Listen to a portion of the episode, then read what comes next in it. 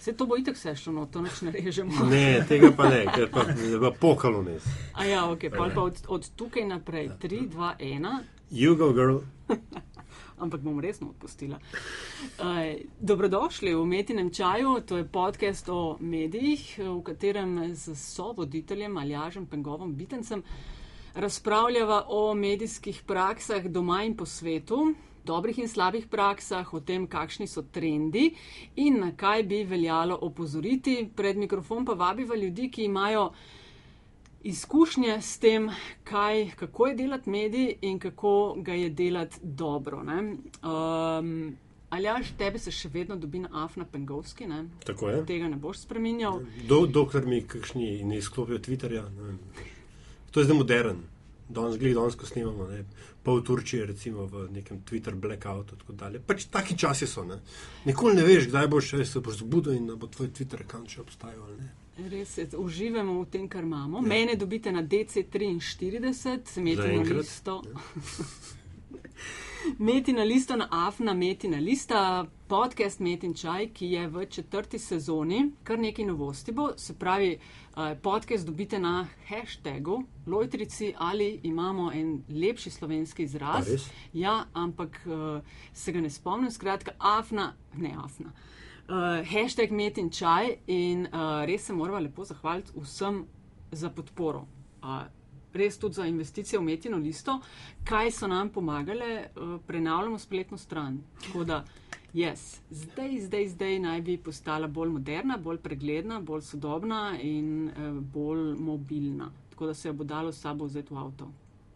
Tukaj je bicikl. Efekt Homera z Simpsona, ki naredi. Ja, hej. Ja. Um, in danes je planirana zelo, zelo huda debata za uh, 99. epizodo. Tako to pa je debata. Predsedniška?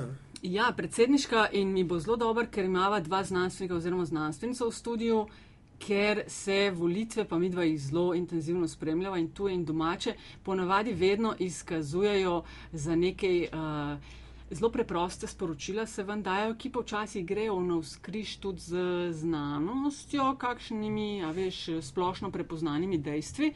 A, tako da me bo zanimalo slišati, kaj, kaj bosta najna gosta o tem rekla. Ja, mene tudi, pa še kakšna druga tema se zna tudi um, ja. odpreti. In nujna tema je. Vem, da sta debatirali so v podkastu, sta Lenart in Darja v um, ne membranje. Um, Mars. Marsovci, ja, sta razpravljala o tem že z uh, doktorico Novak, ki vodi znanost na cesti, ki je mimo grede odličen, uh, odličen projekt. Uh, no, danes še poskusimo še uh, kaj novega okrog tega in to skupaj z doktorico Ana Slavec in dr. Matjaš Gregorič. Gregorič bi mogla reči. Se pravi, ti imaš prim, ki je dvakrat naglašen. Ja, tako je. Ja. Čeprav moji bratranci iz Primorske bi naglasili enkrat pa z širokim, ne z oskim EM. Lej, preden štartamo čist za res v to debato, vem, da imate veliko poslušalcev in poslušalk in da vas že, že zelo dobro poznajo, ampak čist na kratko malo povejte, s čim se ukvarjate v življenju in kako vaju je odpeljalo te majčkan tudi medijske vode. Ne vem, Matjaš, ajde. Um, ja, s čim se ukvarjam v življenju je malo preširoko mogoče. Um, sem, sem arahnolog in evolucijski biolog po poklicu, ja, zaposlen na Biološkem inštitutu Jovana Hadžija z RCSU. Um, v medijske vode me je v bistvu zaneslo delno zaradi tebe, Nataša, pa delno iz egoističnih vzgibov v podcast. Uh, pač delno zaradi tebe, ker si me ti povabila um, k sodelovanju na portalu Meta Znanost.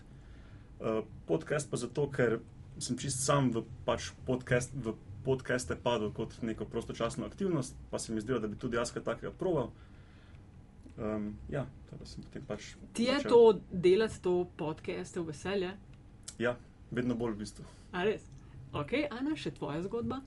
Ja, jaz sem, um, jaz sem anketna metodologinja, oziroma tudi širše z družboslovno metodologijo se ukvarjam, zaposlena sem na FDV-ju, na Centru za družboslovno informatiko, zaenkrat, sem še ta mesec. Tako, ja, za, ampak še vedno tudi naprej bom bila na FDV-ju, ampak grem na arhiv družboslovnih podatkov z decembrom. Um, drugače pa moje ukvarjanje s to promocijo znanosti se je verjetno začelo s tem blogom, udomačena statistika, ki, smo, ki ga pišemo, oziroma bolje rečeno, smo ga pisali doktorski študenti statistike. A zdaj ste že vsi doktorirali? Ne, v bistvu ne. Od teh, ki smo pri tem bili, sem jaz edina doktorirala. No? Samo smo pač vsi precej zaposleni, tako da ne utegnemo nič pisati. Um, jaz sem pa potem se začela zdaj ukvarjati s tem podkastom. Um, Meta podcast, ki v bistvu um, Luka Avsec uh mhm. -huh. je začel to zgodbo. To je super um, ideja, imel. Jaz, ki smo se o tem pogovarjali, da bi nekaj takšnega začel, uh, tako smo se takoj našli in je neverjetno delo v pravu in v prvi sezoni in vidva skupaj zdaj v drugi sezoni. Ja, neverjetno je bilo. Zdaj, pač, ko vem, kako dela je to, ne, je imel prvo sezono vsak teden en intervju. Um, 30 jih je bilo skupaj, če se ne motim, in potem pač mu je, tudi on zamenjal službo, mu je zmanjkovalo časa, pa me je povabil, če bi sodelovala, pa seveda nisem hotela, da se tako fajn mm. projekt konča, pa hotela sem poskusiti nekaj novega, nekaj zanimivega, čeprav po drugi strani je to bilo obdobje, ko sem zaključevala doktorat, tako da po eni strani je bilo kar naporno. Je bilo naporno ja.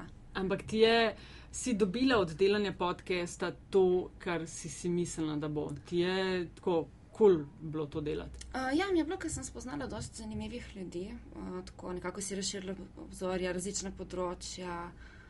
Znanosti, zanimive teme, z nekaterimi sem še zdaj v kontaktu, tako da mm, je bilo zelo fajn. Uh, Je pa res, da zame kar nekaj časa in energije, vsa ta priprava, montaža, posnetka. Mm. Um, ne, ne, je, je time consuming, op, pardon, angliščina, slovenščina. Ja, zdaj ne smemo, a veš, zdaj, ja. časovno potratno. Zdaj ne smemo, ker je v Sloveniji govori samo slovensko, so rekli. Če si te prav zapisali. Ne, ali pa slovenka, ja. Sploh, če se zmenja, ker ne smemo, kaj že predavati, ne sme biti predavan v, v, v angliščini. Mimo grede, to lahko izkoristimo. Imate vidva kakšno stališče glede tega zadnjega ukrepa, torej, da se. Oziroma, dajmo drugače, bodimo natančni, odsotnosti ukrepa, ne? ker za to gre. Ne? Don't get me started. Ali, a, si te sorte. Aha. Ja, jaz, eh, kaj se na ravoslovnem znanosti. Čak, mogoče sam povem, da ja. na kratko povzami, kaj se je zgodil.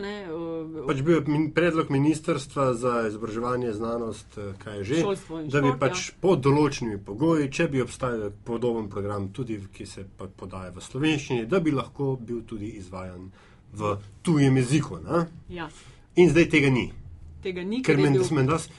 če se pravi, narekovaj, narekovaj zgoraj, stroka nima enotnega mnenja, narekovaj spodaj. Ne, in to je bil za odločevalce na odboru dovoljšen razlog, da eh, so ta člen črtali, ne, ker ne vem kaj. Ampak ja. Ja, bo treba počakati nekaj let, ker je to precej samoumevno zadeva, da se bo enkrat mogla zgoditi. A vidva, kaj misliš? Don't get me started, bi bil za poseben podcast to debata? ne, to verjetno ne, ampak um, no, razlog, da stroka nima mnenja je tudi verjetno to, da se ljudje sploh niso pobrigali, da bi izrazili mnenje javno, ne, sklepam. Um, vsaj v naravoslovnih znanostih je tako, da je angliščina naš delovni jezik, ne. objavljanje v slovenskih revijah sploh ni opcija. Pač, če imaš kakorkoli um, iz kjerkoli stališča neko pomembno raziskavo, gre absolutno v angliškem jeziku ven tudi beremo izključno v angleškem jeziku in iz tega vidika pač bi um, študentom sigurno koristilo, če bi um, vsaj delno imeli v angleščini um, na faksu ali predavanja ali nekaj individualne ali kakorkoli. No. Um, iz osebnih izkušenj se spomnim, da ko sem pač jaz zaključeval do diplomski študij, sem imel velike probleme na začetku sploh razumeti članke zaradi te neke visoke angleščine, ki ni čist taka kot ena pisana v nekem romanu. Ne v leposlovju. Eh, druga stvar pa je to, da se pač moramo odločiti, kaj bi sploh radi, da so naše univerze. Recimo, vsaj biotehnična fakulteta um, propagira svoje študije kot internacionalne, hkrati pa študenti ne morejo slišati, tuji študenti ne morejo slišati v angleščini po zakonu um, predavanj. Ne se pravi, kak je to lahko internacionalni študij. Ne? Ja, lahko pri meni v bistvu vse raziskave, vse članke, ki jih pišem poročila. 90% vsega je v angleščini. In mi je tako nerazumljivo to stališče, ki ga zagovarjajo. Pa predvsem sem izbral pritiska na, v medijih. Um, so objavljali večinoma samo eno stališče teh slavistov, da je slovenščina ogrožena. Hkrati pa recimo sem prebral na Kvarkadabri, da je ta profesor jo, uh, Roman Jerala um, tudi poskušal, pač je nek, ne, napisal, pa mu niso spoh objavili in je potem pač na kvar kadabri mu to mnenje objavili. Mnenje v prid uh, ja, tuje jezičnih ja, predavanj. Ja, v prid ja. temu. Ne. Zelo dobro argumentirano, zelo dobro napisano, ampak uredniki so se pač odločili. To je super istočnica za, za debato, le, uh, za debato znanost in mediji. Ja, tukaj je recimo lahko dve, dve stvari. Cemite že v pripravi na ta intervju. V bistvu, uh, se mi zdi ta dva vidika zelo pomembna. Eno je poročanje medijev o znanosti, uh -huh. uh, drugo pa je medijsk, uh, medijski pristop znanosti. Ne? Ker uh, uh, ta, ta slednji, veš, pač v, v predstavi, ne, ne ukega ali pa bom rekel nekaj, neko, pač jaz, ki nisem znanstvenik, niti približno. Ne? Uh, bi še vedno um, nek um, stereotip um, znanstvenika, ki je zabubljen, bodi se med knjige, bodi se med provete, ne, uh, ki pač potem dela, kar dela, ne, in uh, itak, zakaj je sploh ta naredovko plačevalski, da ne gre, in ali od vas sploh kakšna korist. Ne. Uh, kako ste se vidva, vse nekaj ste že povedala, ne, zakaj ste se sploh podcastu lotila in tako dalje. A imata neko, veš, v, za malih možganih, kot se reče, ne, utripa kakšen. To, da morata vidva poskrbeti tudi za primerno medijsko izpostavljenost, medijsko prezentabilnost, z lepo slovensko besedo, vajnega dela. Ne? Ali se bo nekaj dobro bralo, se bo nekaj dobro gledalo. A, a je to kakšen pritisk? Pri, pri, pri tem pritisk, moče faktor pri odločanju, kaj in kako bo sta kaj počela. Mislim, mi dva osebno ali. Pri vajnem delu, konkretno. Mislim, mogoče lahko tudi na splošno, če pač imate kakšen pogled v to, ampak recimo konkretno, ker sta vidva tu, ne, ko kaj delate, ali pa ko morate mogoče kaj upravičiti, kakšen projekt. Ne, ne, ja, ja. ne vem, kako točno to poteka. Um, kako, moj pogled na to je odvisno tudi zelo od znanstvenega področja do znanstvenega področja. Konkretno moje znanstveno področje na nek način, po eni strani, je večinoma ni zanimivo za neko splošno javnost, bolj zanimivo za neke druge znanstvenike, druge strokovnjake, ki recimo uporabljajo statistiko pri svojem delu. Tako da neka splošna javnost je to statistika neka tema, ki se večini zdi dosti krat dolgočasna. Tako da z tega vidika je zelo težko jo predstaviti na nek zanimiv način. Um, po drugi strani pa se mi, se mi zdi uh, pomembno, da se vseeno to počne, da se promovira. En način je, mislim, tudi zaradi tega, da se študente privabi, da spoh, um, um, se upišajo na tak študij, da spoh spoznajo to področje, da izvejo, da je to področje pomembno. Um, ampak tudi tako direktno, recimo zdaj konkreten ta primer, ko imamo, ne vem, so recimo te ameriške volitve, ko se spremlja. In je v bistvu naša, to naše strokovno znanje na tem področju zelo pomembno, ne, za pojasniti neke rezultate anket, zakaj je tako, um, kaj pomenijo te napovedi, kaj ne pomenijo, ker se to javnosti pogosto zelo narobe interpretira. No, pa ki smo že glih, pa Matjaž, prijemo do tebe, ampak medijska medijska poročanja o rezultatih anket in tako dalje, potem to, to recimo pride do tebe, a je to vsaj približno kredibilno in relevantno ali je že v osnovi zgrešeno? Um, v ZDA mediji ja, zelo dobro poročajo o tem. Nekateri, mislim, pač tisti, ki jih spremljamo, vem, New York Times, uh, 538, recimo tudi nek medij, um, to so primeri dobrih praks. Medtem, ko gledam v Sloveniji, um, se mi zdi, da tako manjka že to sploh osnovno razumevanje. Ne? Um, uh, o velikosti vzorca, da je to neka napaka, da to ni točna vrednost. Mi ne moramo povedati z anketo neke točne vrednosti, ampak je to vedno nek razpon plus minus toliko. No, ok, ko rečejo, ne, da je Clinton vodi za pet odstotnih, Clinton, ne, moram, ne, ko Clinton vodi za pet odstotnih točk, ne, a hkrati je pa, kako že, um, margin of error, ne, tak lep, um, kako je to slovenski izraz, to je sta, ver, statistična napaka, to ni statistična napaka. Ali je? Ne, ne ni, ni, ni točno to, je nek drug uh, prevod, da se trenutno ne spomnim. Kršiš zakon. Ja, ja. No, ampak recimo, recimo, veš, ko rečejo, da je pač ta maržna vera pa 4 odstotna, kaj to pomeni? Da ima ona samo eno, od, dejansko eno odstotno prednost ali kaj? Ne, ne, ne. Okay, bistvu, no? spoh, ne. Um, to pomeni v bistvu um, 4 odstotke. No, no, no, gledaj, vidiš, ti se moramo ukvarjati. No, no. Pač več, več načinov je, kako lahko opišemo neko variabilnost podatkov, ne? neke skupine podatkov, ki jo pač gledamo. in tudi uh, z, drugi, z drugo, rečemo pod narekovaji, napako opišemo verjetnost teh naših podatkov. Ne? Odvisno od tega, ali hočemo opisati samo populacijo, ali hočemo dve populaciji podatkov, dve skupini podatkov primerjati med sabo, ne? potem neke druge mere uporabljamo, ko jih je treba najprej razložiti. Teda, kaj potem mislijo tisti novinari, ki pač temu rečejo, no, margin of error je spet druga stvar. No, se, se veš, zato, ker recimo, ko slovenski novinar, ki poroča o anketah, ki so bile izvedene v ZDA, ne, More, on v bistvu gre za povzetek povzetka, ki je potem še preveden. Ne? Če, če ponazorim malo drugače, lahko recimo damo neko, nek razpon, v, katere, v katerega pade 95% podatkov.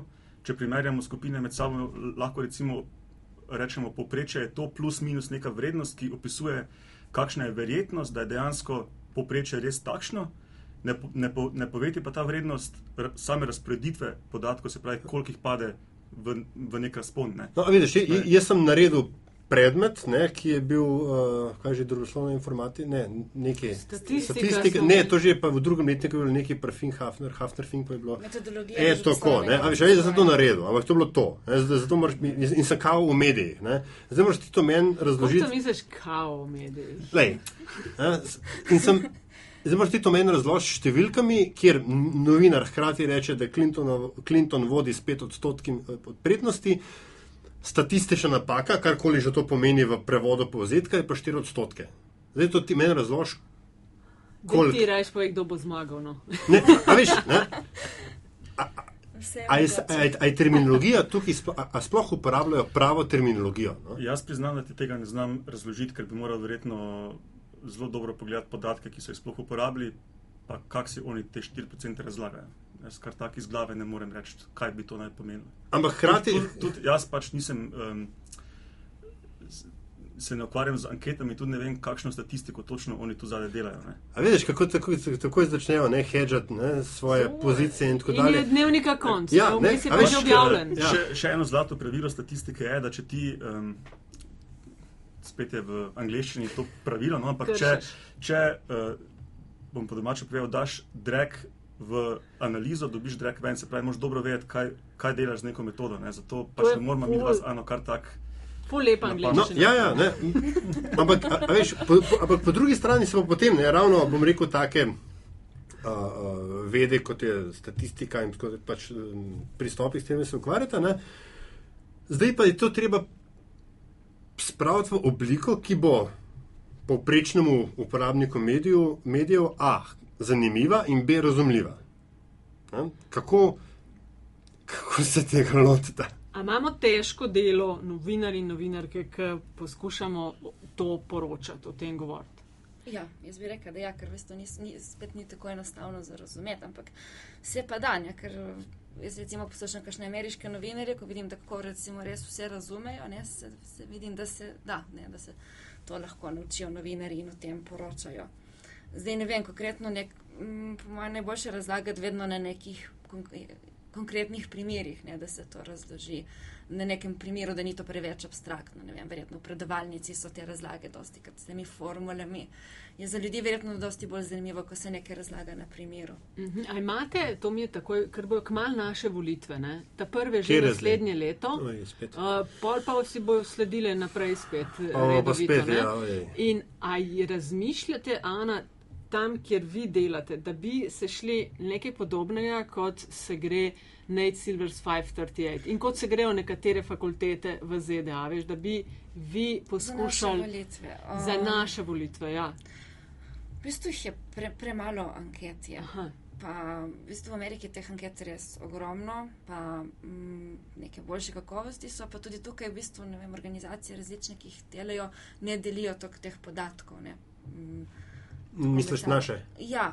Um, Plače, mi se tudi s tem, pač konkretno s prozvolitvami, raziskovalno ne ukvarjamo. Ne? Mi se ukvarjamo z anketno metodologijo, še s drugimi vidiki, s političnimi anketami, sploh ne toliko. Uh, Ampak ja, v bistvu ponovadi pri nas so te podjetja za tržno raziskovanje. Mi nimamo, veš, imamo posamezne ankete, pol pa izvajalci stajajo od našega, unijo od vašega. Ja, rezultati. Pa se pa so... itak vidi, da veš, recimo anketa v večeru, ne, ima tam imajo desne stranke vedno več kot recimo anketa v delu. Ja, to je pač, se mi zdi, da je prav vsakeč anketa, vsak anketar ima svoj vzorc in vsak ta vzorc je pač nekako imam neke svoje ne specifike mm. ali pa ne vem, drugač ponderirano ali kar koli. Ampak to sem te hodila še vprašati. Ko rečejo, Hillary Clinton ima 86 odstotkov šans, da postane predsednica. Ja, to pa v bistvu sploh nima veze s samo anketo, ampak no. to so oni naredijo pa simulacije um, na podlagi tudi teh elektronskih glasov, kakšni so vsi možni izidi. Ker, uh, Tam je tako, da ena država, kot, um, kjer ne vem, ali bo eh, Clinton ali uh, Trump dobil večino, dobi vse glasove v tisti uh mhm. -huh. državi. No, oni naredijo neke simulacije z, na podlagi vseh anket, ki jih oni črpajo, vsak dan grejo pogledati, on, kje so kakšne nove ankete in to združijo. Um, in pregledajo, in imajo te modele tako izračunane, da naredi simulacijo na podlagi teh podatkov, kaj so vse različne možnosti. In mislim, da enih tisoč simulacij, da je. In na podlagi tega izračunajo, kakšna je verjetnost, v bistvu od, uh, pač vse možne. Pač, Agregat anket, ja. kaj je možno, da se posamezni možni scenariji. Prav, v, če je tisoč možnosti, je v 860 se končalo tako, da je Clinton zmagala. Tako nekako, ja. Ni pa to, ampak ja, Ampak še vedno je možno, da on. Še vedno, ja. ja. V bistvu, zdaj, kar vemo potem, je, da bi uh, enega statistika oziroma statističarko v vsako redakcijo, ne? ker niso problemi. V bistvu budžeti. dva, ker ne veš, ali je levo ali desen. Pri nas, ja, ja. Okay, pa ja. ne vemo, ali je rozina ali ne. Ja. To ja. Tako, ja, ja. No, ampak to je, to je zdaj problem ne? človeka, ki, se, ki živi od statistike, ne? to besedno. Ne? Uh, kaj pa človek, ki živi od pajkov? Kako pa ti se lotevaš tega, da je tvoje delo zanimivo za več kot samo za kolege, ki se ukvarjajo s pajki? Ja, no, prej sem namerno rekel, da sem se iz um, egoističnih vzgibov lotil podcasta. Uh, sem pa potem v zadnjem dobrem letu ustvarjanja pač doskrat razmišljal o tem, um, kaj sploh delam, pa kak delam, pa kak bi moral delati. Um, zdaj izbral sem recimo temo, ki, s katero se tudi sam ukvarjam, ali pa ena od tematik, s katero se ukvarjam, se pravi biologija organizmov. Mi sicer vedno postavljamo vse v, v evolucijski kontekst službe, ampak jaz sem pač se odločil, da bom uh, zbral neko tako temeljno znanost, ker se mi je zdelo, da, je, da smo danes v enem času, kjer um, znanost postaja vedno bolj popularna, se mi zdi, pa je vedno več um, ljudi, ki se z neko komunikacijo znanosti ukvarjajo, ukvarjajo pa to tudi poklic postaja ponekod. Um, hkrati pa smo v takem političnem družbenem sistemu, kjer um, prodira ta, ta neka kapitalistična misel, vse pore življenja in tako znanosti, kot tudi recimo v kulturi, pa še marsikaj druge, verjetno, um, se, se ustvarja neka percepcija, da je dobro samo tisto, čemu lahko takoj zdaj damo neko etiketo sceno. Gor, temeljna znanost, pa kot že beseda pove, je temeljna, nima pa takoj neke aplikacijske vrednosti. Ne? Je pa, je pa osnova za vso znanost, jo povezuje in ji daje podlago. Um, in sem se pač odločil namerno za temo, ki je pač potem logično manj popularna in bo manj klikana, manj poslušana, uh, ker pač ni to, odkrili smo novo zdravilo za raka ali pa um, nekaj o človeškem seksu ali kaj takega, ne? ampak je pač o nekih živalih, rastlinah, glivah, kakorkoli. Ampak se mi je pač zdelo pomembno, da je to. Um, neka taka temeljna znanost, ki jo jaz promoviram, no, ker je dovolj promocije aplikativne znanosti. Mm. Vidva sta med tistimi, jaz imam tudi takšen občutek, Matjaž, da je če dalje več znanstvenikov in znanstvenic, ki se zavedajo pomena promocije svojega dela inštitucije znanosti nasploh. A imamo vsi tak občutek, ali ga imam sam jaz mogoče, ker veliko delamo v tej smeri. Ampak se mi zdi, da grem mal naprej tudi za voljo številnih projektov, kot so vem, znanost na cesti, pa kvarkadabra, pa še kup drugih, a veš, ne, ne vem, na, v drugih medijih imajo fine znanstvene projekte. Ne. Ja, no, med, med zadnjim letom stvarjanja sem se jaz v bistvu zavedel to, kar je Saša Novak iz znanosti na cesti v bistvu lepo rekla, da je na neki točki ugotovila, da tudi njene, njeni družinski člani in prijatelji ne vejo čisto dobro, kaj dela. Večina znanstvenikov nas verjetno to lahko za sebe trdi, ne? in potem, če niti ljudje, ki so nam blizu, ne vejo, kaj mi v bistvu počnemo, potem tudi mi težko pričakujemo, mi znanstveniki težko pričakujemo, da bo javnost v splošnem razumela in podpirala to, kar delamo. Um, da je v bistvu skozi ustvarjanje podcasta sem jaz začel bolj o tem razmišljati in v bistvu prišel do, do teh nekih um, spoznanj, da, v bistvu, da bi morali znanstveniki več promovirati svojo, svoje delo. Ne. No, kar rečeš, sem, sem to, Aljaš, kar rečeš, morali, me pa nekaj zanima. Ne? Če dalje bolj se govori o promociji znanosti, tudi uh, vladne državne inštitucije prepoznavajo, da je s tem treba mal več delati, ok, pustimo drugo, koliko zares sredstev namenjajo, da bi se kaj dogajalo o tem. Ampak, a sta bila vidva kdajkoli v procesu šolanja na poti do znanstvenega naziva izpostavljena vsaj kakšnim seminarjem, kurzom, učnim uram o tem, kaj in kako z mediji, kako delujejo in kako sebe predstavljajo v medijih. Ne, v bistvu, v bistvu ne. Mislim. Nikjer, nikdo, nihče vam ni povedal, da tudi to je nekaj, kar se vam zna zgoditi. Če ne drugega, mogoče ne samo kako in kaj v medijih, ne? ampak če dalje več imate, verjetno v okviru svojega dela tudi prezentacij, ki so nek stik, ok, mogoče ne z mediji, ampak z eno drugo javnostjo. Ne? In moraš znati povedati na nek način, da niti ne govorimo o tem, da je kupica znanstvenih projektov, verjetno ga sploh več ni, v katerem ne bi mogel navesti na koncu, kako boš poskrbel za vem, diseminacijo rezultatov, novic, promocijo kar tega, kar boš ugotovil. Ja, s tem je sicer bolj mišljeno to, kje in kako boš objavljal v znanstveni v znanstvenih publikacijah svoje um, dosežke.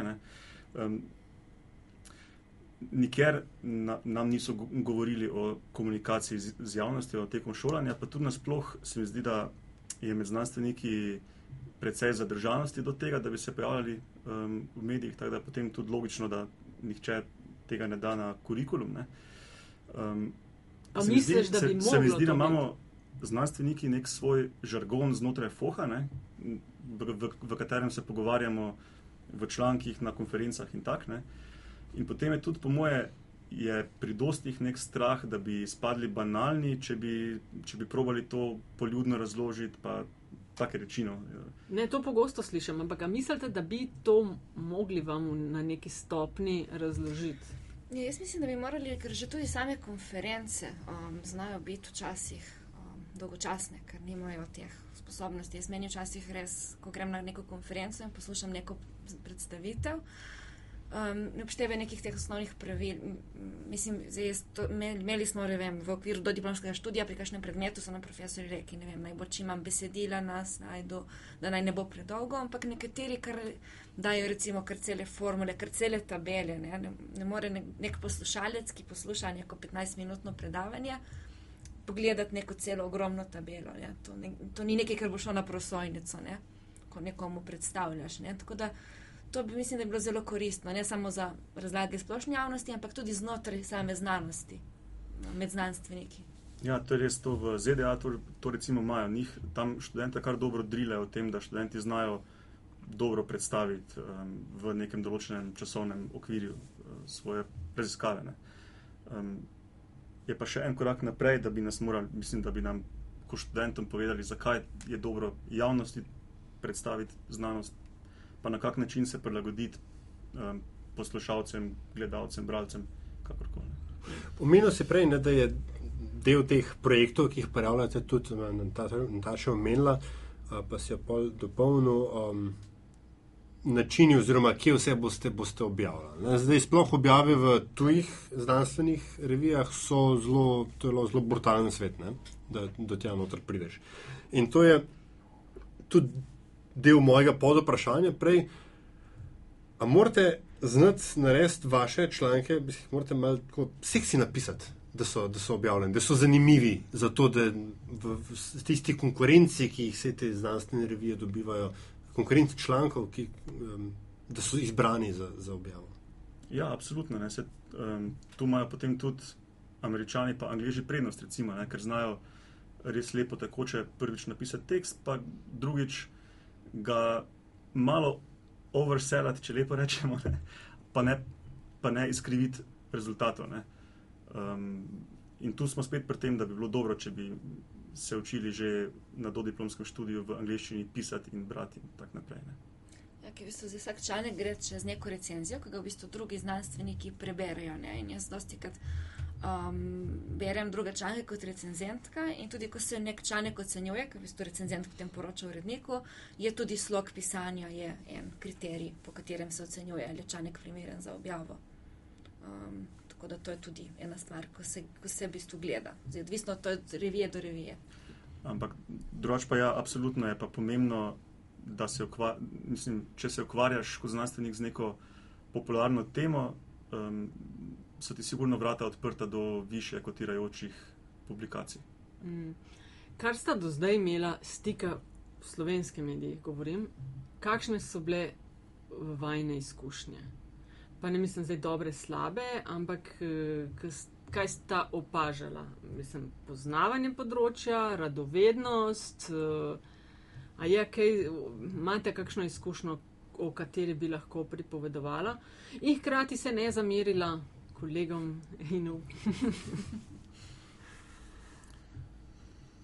Vse dobro. Brez da, mislim, ne. Zdaj se je tako zelo hitro spogledala. Vse dobro, ne, pa tudi zanimivost sem hotel takšno ja, ja, prihraniti za konec. Ok, ne prihrani. Okay, okay. No, ne, ampak uh, to je težko od, odgovoriti brez um, pridevnika dobro, slabo. Um, zelo odvisno od medija, ne, v bistvu.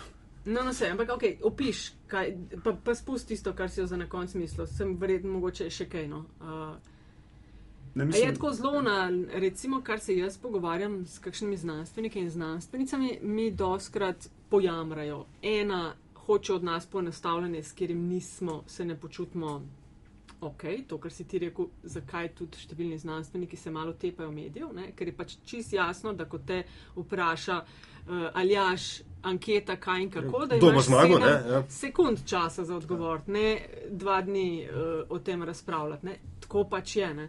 Ampak uh, znamo. Vemo vprašati, nas zanima tisti tvoji pajki, pa oralni seks, to vem, da je šlo okoli zelo lepo.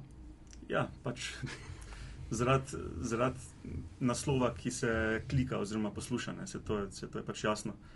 Um, jaz bi bil vesel, če bi večkrat recimo, lahko dobil uh, pogled v nek prispevek, preden se objavi, da mogoče jaz povem, kaj je ključna stvar, pa kje so ga res mimo brcnili.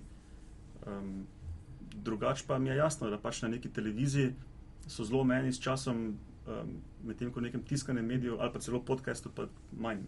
Čak, ampak recimo, da gremo za, za tiskan medij, nikomu ne pride na misel, ali pa tep ne pride, recimo, nimaš rekel, jajc, ne, da bi rekel, da bi hotel uh, članek v uh, avtorizacijo. Jaz sem to že delal. Kaj, si dobil, dobil v avtorizacijo? Ne vedno. Aha, no, sej, da, da, da bo jasno, jaz načeloma sem zelo proti avtorizaciji. Ne, ker, ja, zato, ker se mi zdi, da če novinar nekaj napiše, potem on za tem stoji in pa če slabo napiše, mora, mora slediti sledi tudi posledice v smislu kredibilnosti in tako dalje. Ne. Vem pa, ne, da je avtorizacija v Sloveniji, zelo, sploh med politiki, ne, med javnimi osebnostmi, zelo razširjen modus operandi. In da kakšni pol ne sem, da sem rečel tega, nisem rekel, kakšni že kaj noter dodajo. No, da se, da se popravi, mogoče eh, ne avtorizacija v smislu, da bi jaz potem prepovedal objavo nekega mhm. intervjuja, uh -huh. ampak bolj v smislu, da pač jaz pogledam, čist, eh, če so dejstva prava ali pa kaj. No, no, sej, kaj tačnega, ja, no. ja. Sej, ne, ne je da narobe razumeti kot kritiko zdaj. Ne, ja, ampak, ja, ja. ampak, uh, Tukaj meni se pa zdi, da pri televiziji so res malo drugačna pravila igre, ne, ampak pri časopisu pa moj osebni pristop je naslednji. Ne? Če poznam avtorja oziroma avtorico in sem z njim že delala, zaupam, je to to. Takih je zelo malo in so zelo redki. Štekam. Pri vseh ja. ostalih pa veš, v čem je problem. Zakaj se meni zdi avtorizacija nujna in razumem tudi te politične manipulacije pri tem. Ne? Jaz se, ali pa on, ali pa kdorkoli, z novinarjem se pogovarjaš eno uro tisto eno uro na papirju spravi v prevedeno deset minut. Se pravi, da deset mojih stavkov, ki jih na nekaj povem, on strne v enega. Ne nujno, ali pa v več kot polovici primerov naredi povzetek, ki ni, ne zajame tistega, kar sem smela. Dobro, sej, lej, sej, Zato. Ja, ne, sej se, lej, sej se strinjam, razumem logiko. Ja. Jaz lahko povem moj primer, pa bo samo delno vzelo zanimivosti stran. Okay. Uh, pa ne vem, če lahko z imeni druge medije omenjam, ali vam je to problem. Na, nama ni. Nama ni. Tudi meni ni, no, pred, uh, pred, pred kratkim sem imel intervju za 24 ur, ki je pač znan portal, ki dela na klikne. In smo bila dogovorjena, da jaz pogovore trajajo eno uro pa pol. Ne. To je potem skrčeno v zelo kratek tekst, in smo bila dogovorjena, da uh, grem jaz skozi to, da čist da, da vidim, če, če se vsa dejstva ujemajo tako, kot sem jih jaz mislil, pa da ni kaj iz konteksta vzeto. Ne? In nisem dobil um, v pregled, in je, šlo, in je bilo polno napak od tega, da je bilo moje ime napačno napisano, do tega, da so se citati združevali v enega in dobili drug pomen, ne? kar ja. pač se meni ne zdi fair. Absolutno. Um, do tega, da so bila imena Pajko, recimo, na robe napisana in tako dalje. Tak da, uh, pa ne gre, jaz ne bi no, nikoli prepovedal objave, ampak gre pač za to, da ali daš ven zmazek ali pa ne. ne. Se ne bi mogla bolj strinjati s tabo. No, Sploh no, pri znanstvenih zadevah, kjer zelo redki imajo kaj pojma, oziroma od, za tvoje področje, koliko vas je v Sloveniji? Šest, deset. Nikogar za... ni skratka v redakcijah, katerega koli medija. Ne. Mi smo to. praktično edina skupina, ki se z evolucijsko biologijo ukvarja, so pa pač naš objekt Pajkino. Ja, ja, ja. Niso pa pajki. Ana, edini. tvoja medijska yes. izkušnja, ti pa živiš in delaš na faksu, ki proizvaja. Ja. Dejansko nimam toliko izkušenj, da bi pač svoje neke znanstvene svetke predstavljala v medijih. Mislim pač razen v kakšnih znanstvenih revijah, publikacijah.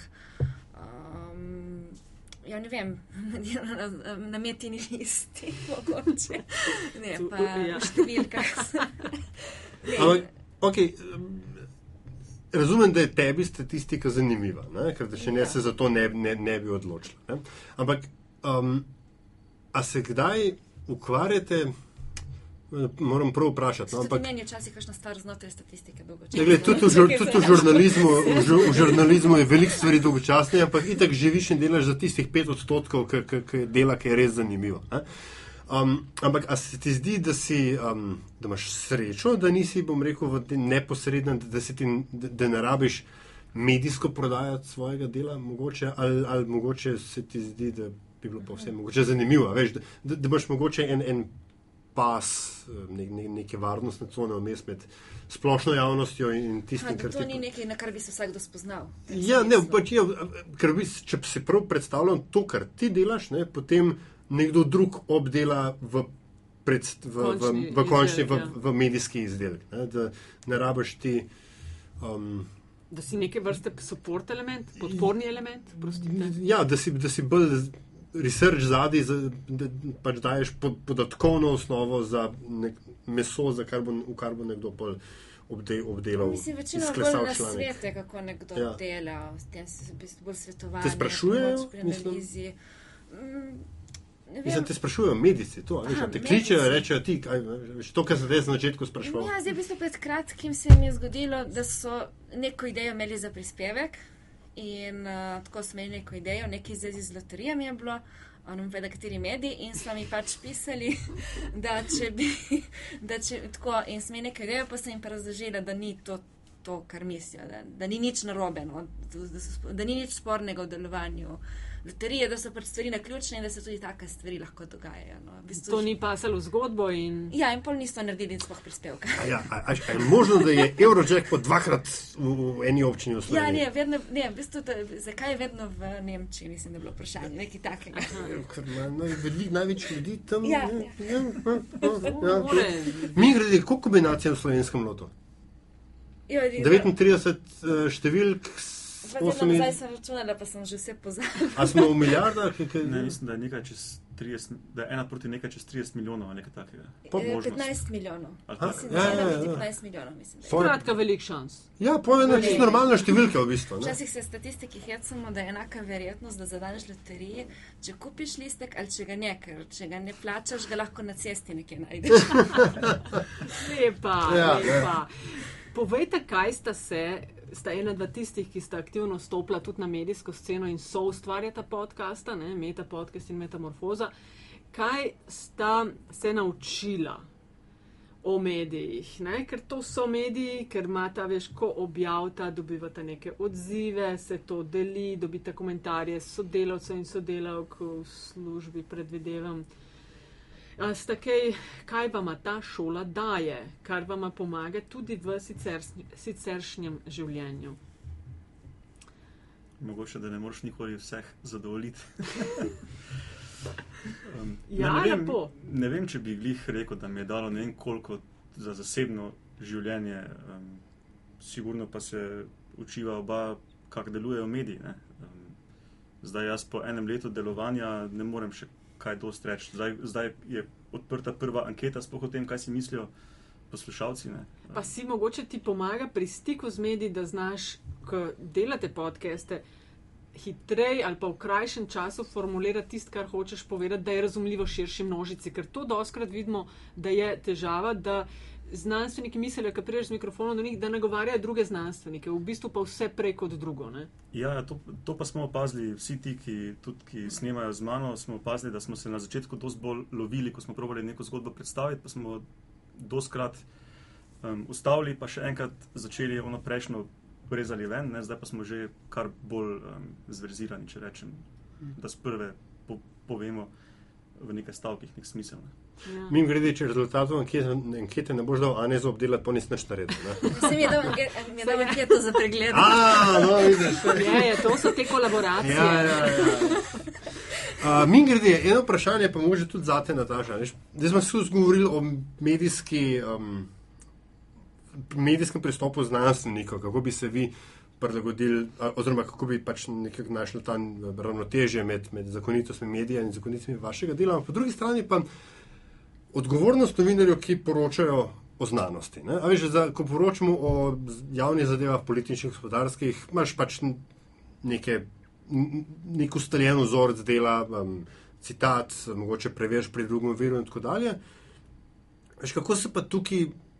Kako se pa tukaj lotiš uh, teme, neke znanstvene teme, ki, ki je zelo oska, ne, ki, ki jo prvič hočeš narediti zanimivo, in drugič, um, ker je število virov, da tako rečem, zaradi narave stvari omejeno. Sploh, če bom rekel nekaj zelo um, nišna, ne, um, veja raziskovalna.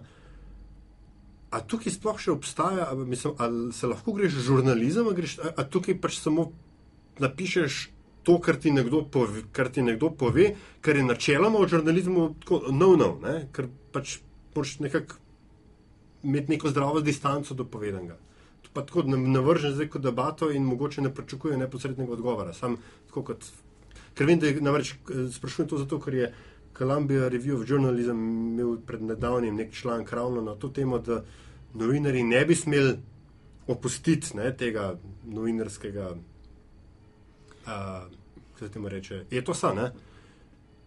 Samo zato, ker, mor, ker gre za, za neko osko temo ali pa ki jo ne razumejo čisto. No. Ja, iz stališča novinarja je to verjetno težko. Zdaj, če smo, gremo spet na ZDA, ne, tam je mogoče malo lažje, ker tam se dejansko lahko usmerijo um, novinarji v to, da v glavnem poročajo o znanstvenih temah, ali pa so celo študirali do neke faze uh, neko vejo znanosti, pa so potem šli v medije. Ne. In taki lahko že sami po sebi dost boljše presodijo, pač, kaj je pomembno v neki veji, pa kaj pa je pač samo šum, pa ni vredno poročanja. Recimo, Druga stvar je to, da imajo tudi um, eno platformo Eureka Alert, kjer pa PR-ovci znanstvenih inštitucij obesijo press release gor z nekim embargo datumom že naprej in lahko dostopajo samo novinarji in že od tam ven ti nek um, PR-ovec znanstvene inštitucije v, v sklepam razumljivem jeziku poda kaj je zdaj bistvo te študije, in potem ti kot novinar presodiš, ali boš o tem poročal ali ne. ne. Spravi, v ZDA je temu, kar jim, jim je kar lažje, kako pa je to pri nas. Pa... Zak, zak, sam, zakaj je temu tako? Zato, ker jih je enostavno več in je, in je več denarja, ali zato, ker je več denarja, ali je kakšen tretji razlog. To morate pa vidva nama povedati, ko sta iz, iz medijev. Zdaj si jaz si predstavljam, da so to neke specifike tega, kako mediji funkcionirajo. Ne? Če imaš ti um, nek določen potencijalen pul bralcev, ki ga nagovarjaš, je pač ena Amerika zelo različna od Slovenije. No, ampak po drugi strani, recimo, če se bi še jaz zdaj hotel uh, narediti prispevek o pajkih, ne, oziroma evolucijske biologije, kot je Nataša prej rekla, za, na prste obeh rok vas je, pa vsi skupaj delate, kamor grem jaz lahko po zgodbo. To je. Ja. Tudi če bi hotel, v Sloveniji ne morem nikamor drugam vprašati. Eno, nekoga v bistvu ne vprašati. E, ne, a veš, zdaj smo pa Zdaj smo pa bezumni. Je res šest nog, kot pravi Matjaš, ali ima osem? Glej, ali pa ne vem, veš, ali je to odkritje res relevantno. Ja, veš, potem pa se kar naenkrat zaletim v omejene resurse, po možnosti celo kakšno jezikovno oviro, ne? a ne državni zbor. A, veš, a, tak, take stvari. Ne? To je v bistvu tudi princip v znanosti, ne? da v bistvu ni, neke, ni vedno neke končne resnice.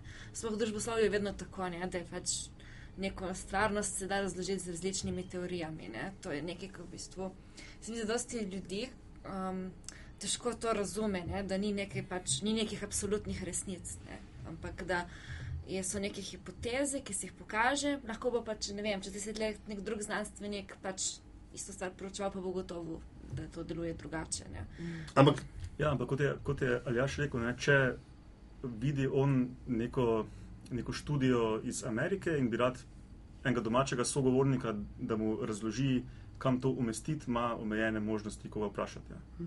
Ampak mogoče predvsem to, a veš. A... Tukaj je Ana rekla, ne, če deset let recimo neka nova študija pokaže neke drugačne rezultate ali pa dopolnijo pa karkoli, ampak to vendar v osnovi ne pomeni, da je tista študija, mislim, ne pomeni nujno, da je tista študija izpred desetih let napačna v smislu, da je slabo narejena, pa karkoli. Pač morda se v, v teh desetih letih bodi se znanost tako napredovala, so kakšne nove metode bile razvite in tako dalje. Mogoče tudi, a veš, tega ni, ne? ker, kot se je reklo, lahko nekdo nekaj reče, imamo zdravilo za raka. Ne? Super. Ampak teh zdravil za raka v narekovajih je bilo v zadnjih vsak teden, vsak teden je, to saj ne dve. Ne? Uh, in, in pa to ne pomeni, da je to bad science tisto prej, ne? samo da morda, morda to kasneje bo še better science. Ne? A si, mislim, a sem preveč benevolenten do vašega dela?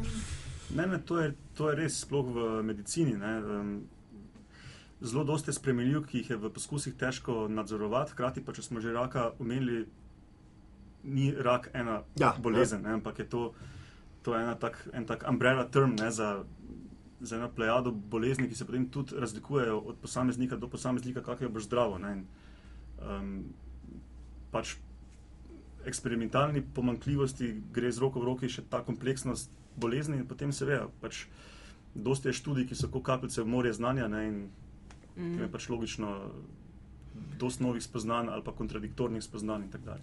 Je pa tudi v znanosti, zdaj pri nas je nek trend, da se vedno bolj ceni neke metaanalize. To pomeni v bistvu raziskave. da se to mi je v bistvu res zanimivo, kaj na metaanalizi ta uh, rubrika metaanalize, ker dejansko v znanosti to pomeni raziskava, ki vzame več raziskav, to nek znanstvenik vzame že narejene raziskave, jih pregleda in naredi nek povzetek vseh teh raziskav, kaj so ugotovile. In uh, se spomnim, se zdaj, ko smo pač, ko bo menjen ta Bad Science, ne, ko je ta Ameri, um, britanski zdravnik Ben Goldaker, ta knjiga. Ben, mm -hmm.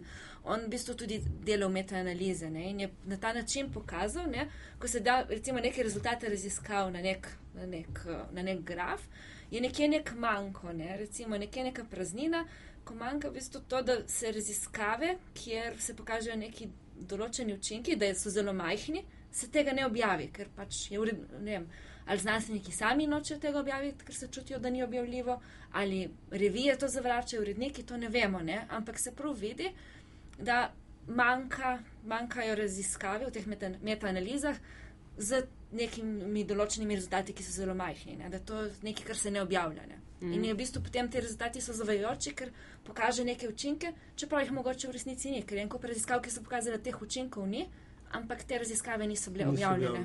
Mm, veš, kaj je zelo pomembno vprašanje, se mi je, sem čisto na začetek tvojega ja, ja. vprašanja ja. vrnila to, kar si vprašal. Ne? Ker dejansko nimaš znanstvenih novinarjev za res v redakciji, imaš novinarje, ki sem ter tja pokrivajo kaj znanstvenega. Ne? V Ameriki, ki je pa večji trg, ki se mogoče kakšne publikacije lahko prvoščijo specialistične, imaš pa, ne vem, na drugi strani eh, doktorja Gregoriča, ki ti je v nečem poroča. Ne? Tako da po mojem zna iti v prihodnje tudi v smer, da bi kakšne znanstvenike, ki so primarno po svoji funkciji znanstveniki in se bodo v tem procesu izobrazili v medijske komunikatorje, lahko postajali del redakcije. Mogoče ne 24-7, a veš, ampak za posebne ja. primere, da imaš profija noter, ker dejansko, kot ti nekdo reče, to smo odkrili. Pač vzameš tiste tri izjave, namontiraš skup, ok, to so odkrili. Ful je recimo zanimiv pristop, ki ga um, na BBC-u sem ga zaznal, pa mislim, da je tudi, tudi drugot, ne, ko uh, sploh so bile tele um, arheološke, pa antropološke, pa tako raziskave, veš, ko, kako stari homo sapiens, ki spet vsake pet let kakšno novo kost odkrijejo in predstavijo to že za kakšnih sto tisoč let v, v preteklost, ne, izvor e, e, modernega človeka. Ne. In potem imajo pač seveda tiste, ki so to raziskovali, potem je pa obvezno nekdo, eh, pač doktor XY, ne, z uklepaju, ki ni bil del ekipe ali pa ki ni bil del raziskave in ja. potem še nek, neko drugo oceno daje. Tega, tega pa nas ni. Mm -hmm. A vaju, ko glih, govorimo o tem znanost v medijih, a vaju kot profija z tega področja, mal si ti že Ana prej govorila, te boli, ko vidiš, ko gledaš kot strokovnjakinja z področja, te boli, ko vidiš kako svinja z mehom delamo, ko poročamo o anketah, po drugi strani pa mogoče za oba tudi, sploh, ker so kampanje, so takšna priložnost, da na novo odkrivamo, kdo je odkril svet in kdaj je recimo uh, globalno segrevanje eno takšnih vprašanj, ki se. Spet se pač vračamo na ameriško kampanjo, nekaj imamo, eni zanikajo to. Ampak to kot znanstvenika in znanstvenico boli, pa hkrati vidiš, da so mediji imajo tako vpliv v družbi, uh, pa ki svinja z mehom delajo s tem vplivom. Mene osebno bolj zdi, da um, se grejo politiki to kot mediji, ki pač danes jih vsi ti spletni mediji pač živijo od tega, da zbira klike. Um, jaz bi se še malo naprej navezal, ko je Ana govorila o tem, kako sploh razlagati, pa kaj ti povejo um, neki poročani rezultati, če smo že bili pri raku. Um, Doskrat vidimo naslove kot pač um, substanca A pomeni, da imaš dvakrat večjo možnost, da boš dobil raka kot substanca B. Ampak to je popoln nesmisel, ker ti ne pove nič. Ne. Kaj zdaj pomeni, da je, nekaj, da je neka možnost dvakrat večja? To pomeni, da bo ta zbolela dva na mesto en na 50 tisoč ali na 100 ali na 5 milijonov. Ne. Sploh ne veš praksi, kaj to pomeni. Ne. In, Uh, si hočeš reči, kaj, ker to je drugač full opening za nekaj, kar hočeš še vprašati. Za fact checking? Mm, better. Ok, dej. Ja, pseudoznanost. Oh. Ker smo že pri Ameriki ne? in, in custom-made inštituti in fakultete in tako dalje, ki so uh, namenjeni temu, da dokazujejo, da puške, da, da pištole ne ubijajo ljudi. Ne? In da ima, namreč, glih včeraj je bil zaokrožen nek, nek video Gerija Johnsona, ne, kandidata libertarne stranke. Na nekem soočenju je bil konzervativcev, uh, kjer je ena neka gospa rekla, da uh, marihuana ti za petkrat poveča možnost srčnega zapada v eni uri, potem ko si jo zaužil. Wow. In model potem ne, se prime za srce in se zloži dol stola in začne malo pletati. Ne. In je, se mi zdi, da je pač ravno to. Ne. V, v resnici ta podatek ne pove ničesar, ne sliši se pa grozno. Ne. In Ampak sem pa prepričan, ne, da pač za, tem, za, za tem podatkom obstaja Kobajagi resna znanstvena raziskava. Jaz ti to nisem prepričan. Ampak... No, mislim, go, govorim, je, je go, rekel, možno, sem, rekel sem Kobajagi za ravno zato, ne, kaj se vidi o tem, mislite, da je končni vazi pseudoznanost ne, in, ti, in ti, pa, pa ravno to, to potrebo nagovarja ne, po takojšnjih dokončnih zaključkih, ne, ja. ki so, bom rekel, imajo politični pa medijski interes zadnji razen tega, da se morda zbujete sredi noči in, in v okviru groze, kaj si o tem mislite? ja, ne vem, dosti, ko se mi zdi, kakšne stvari, da niti ne pridejo do mene. Um, recimo, ne vem. Um, si si zgradila zid. Ja, mogoče imam en tak baben, da se ne družim. Neč pa se je zgodilo, se je zgodilo, da ne letim, kdaj jim razizi. Ne vem, ko imate te teorije, ne vem, da američani, da niso bili res na luni ali pa ne vem, kemitrej, pač vsako toliko stešim. Ampak se mi zdi, da je ravno zdaj, ko je bila v ta Asaša Novak, ki je že bila v membranju. Pa na številkah tudi. Na številkah je bila. Ja. Ko je v bistvu fajn odgovorila. Mislim, nekdo je vprašal za pseudo znanost. Je rekel, yes. najboljš, ja, točno se mi je zdelo.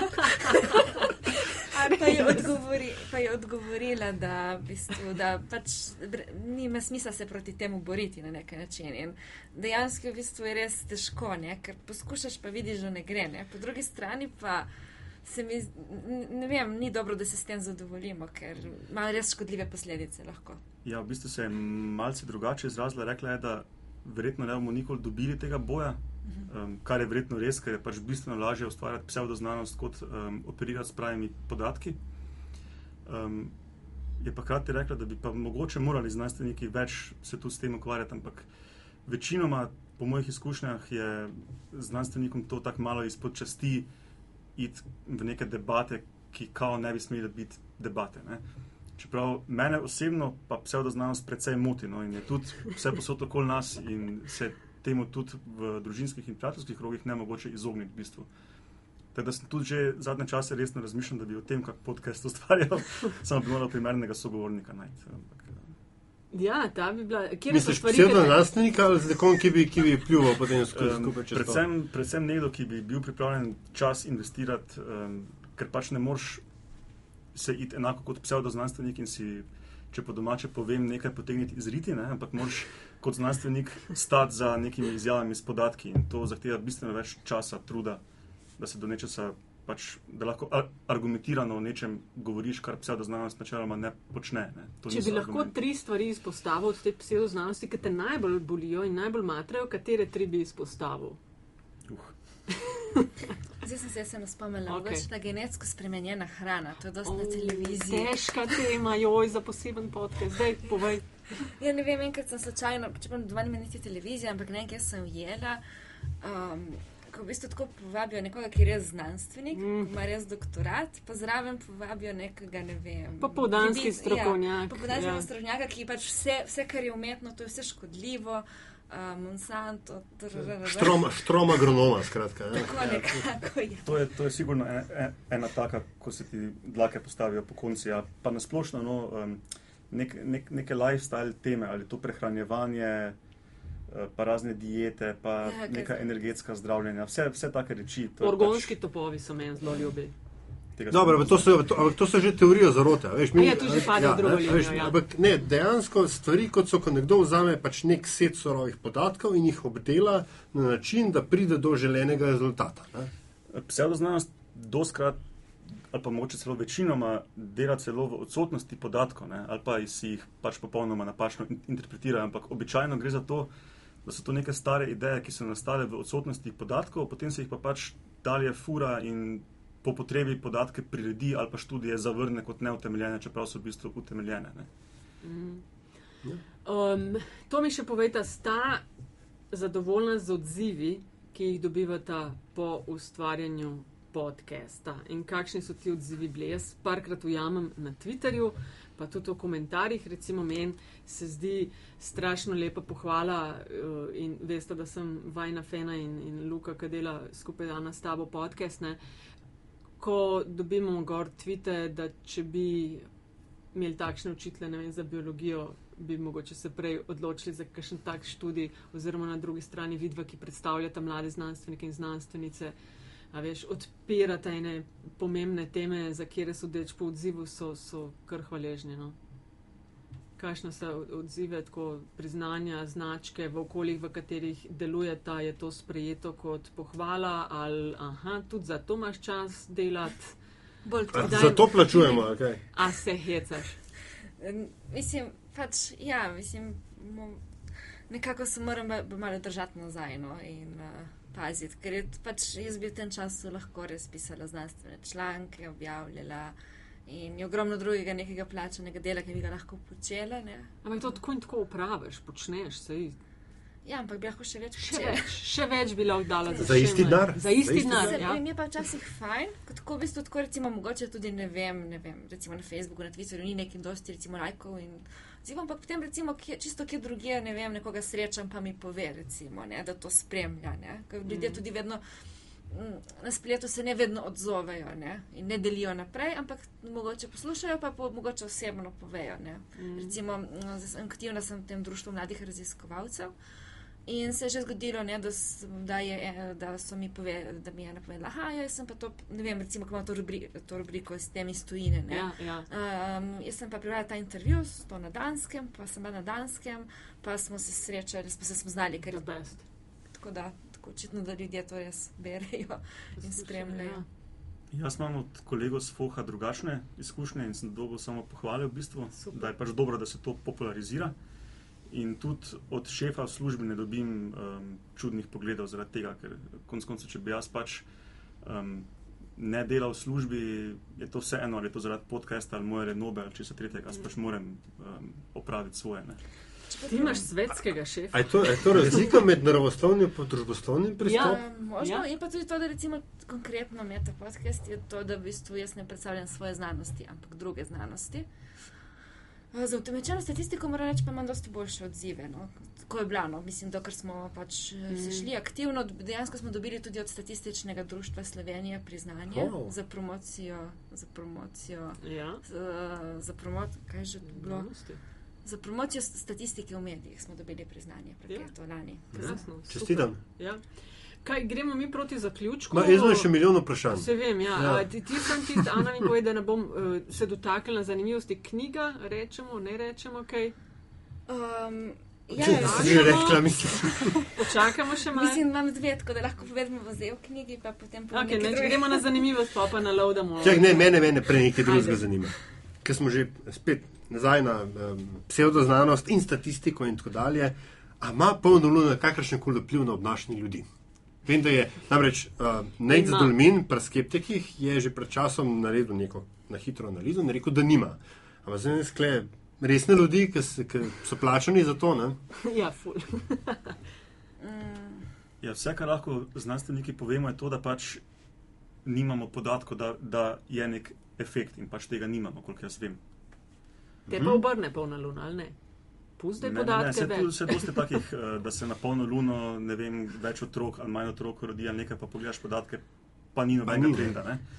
Um, zdaj, dosti ljudi poroča o nekih problemih, ki jih ima zaradi lune, pa pritiska, pa tega pa onega, zdaj jaz v bistvu niti ne, ne bi rad na pamet preveč tako naredil. Kako je človek to objavil, veš? Ja. Ja, jaz, naslov, jaz, jaz dopuščam obe možnosti. Oh. Lahko vpliva, lahko ne. ne vem, včasih, mislim, jaz tega pač ne spremljam, ne vem, kdaj je, ampak včasih jim potem ne vem, rečem, zdaj se tako občutim, ja, mogoče pa, ker je, čud, ker je polna luna. Reče, boljši odgovor je vreme. Jaz vedno rečem vreme. Uh, uh, še, ne, še nekaj se hoče vprašati. Um, pa sem pozabil, tako da evo. Lej. No, le, ja. če se spomniš, pa lahko pol umesu letimo. Bom še kaj. Recimo, da smo zdaj, a več, če smo štartali v Ljubljani, smo zdaj v tem času, kar snimamo, že prišli počasi, mogoče do Maribora, če ni vmes kakšnega zastoja bilo, ali pa mm -hmm. do Kočevja, mogoče celo. Ja. Um, Vsakič končava podcast Met in Čaj z vprašanjem o neki zanimivosti. To je lepo po slovensko. Tell me something we don't know. Ne? Povejte nam nekaj, česar ne vemo. Česar je seveda velik, ampak bolj gre za to, za deljenje kakšnih informacij, zgodb, anegdot, za kjer vidva v centru, da bi mogoče znali zanimati eh, občinstvo metinega čaja. Kdo se prefočka, da bi prvi? Ana, dej. ja, jaz sem imel tako dve pripravljeni. Pa eno smo v bistvu že kar, mislim, tako delno obdelali. Mislim, da bi bila ta zanimivost, da v torek grem v Ameriko, ravno na dan volitev. Ampak o volitvah smo že dosti govorili. No, okay. Čak, se pravi, to je še v redu, ker če poješ ti na, na, v Ameriko v torek, rezultati ne bodo ja. znani še preden ti pristaneš in pomeni, da tudi če Trump zmaga, lahko greš še noter, pa še ni zidu. To je v redu. Je redu. Ja. Še bo šla čez. Ja. Se v bistvu po eni strani mislim, da je strah obeh možnosti, ker tudi v drugem primeru pa se bojim, kako bodo Trumpovi oboževalci reagirali, ko ne bo po njihovo. Ja. da ne bodo na mestu. Ja. Da ne kakšni ja. protesti po cestah in podobno. Boš poročala, le ti boš kje si rekla na Floridi, ne si mi zaupala zadnjič. Ja, ja. ja. Uh, Vzela jetja sama. Bo velika fešta veste. Ja, če...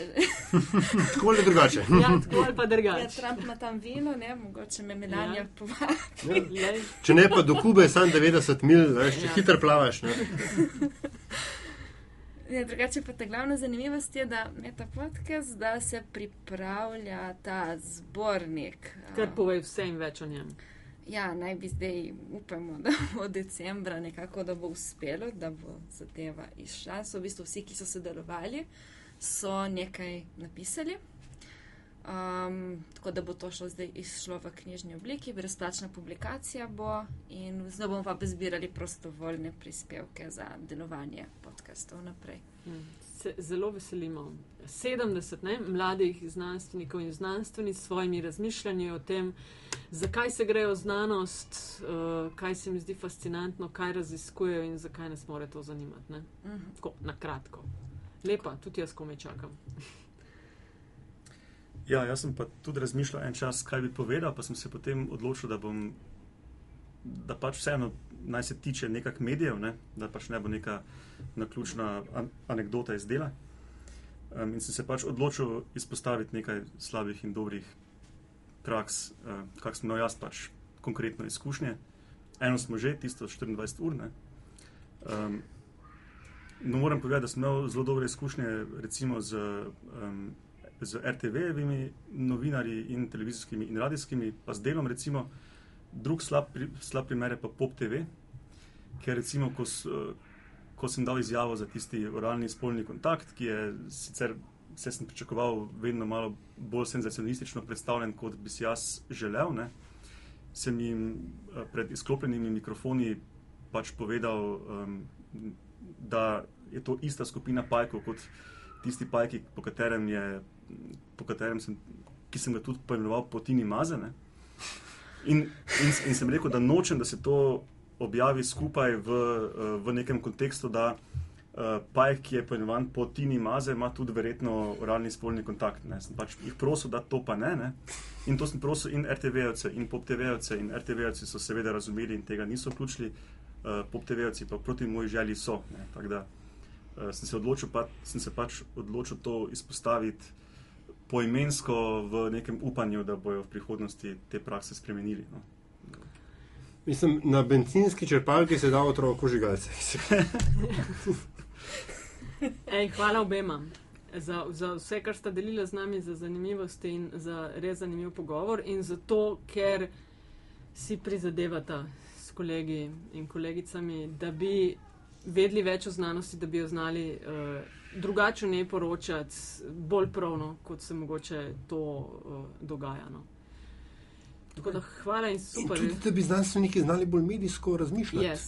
Tako da um, keep up the good fight. Ne? Tako po slovensko, hvala, ker se vam ljubi, pa da ste si vzeli čas. Yes. Ja, hvala vam za vabilo. Čakajte, povejte samo še na Twitterju, se vaju da ujet, kako? Afna Slavec. Pa Ed Matjaš Gregovič. Ok, mi dva sva na Afna Pengovski, Afna DC43. Afna Metina Lista. Hvala za posluh. In um, če se vam zdi, da bi znala epizoda še koga zanimati, bo zelo vesela tudi za deljenje in pa kakšno oceno v iTunesih. Ja. To te zvezdice zbirava. Pa tudi še. za metamorfozo. Ja, metamorfozo. Yes, yes. Klikajte. Klikajte, like dela na domačo nalogo imate do 8. novembra, ko bo konc sveta za ene ali za druge. Yes.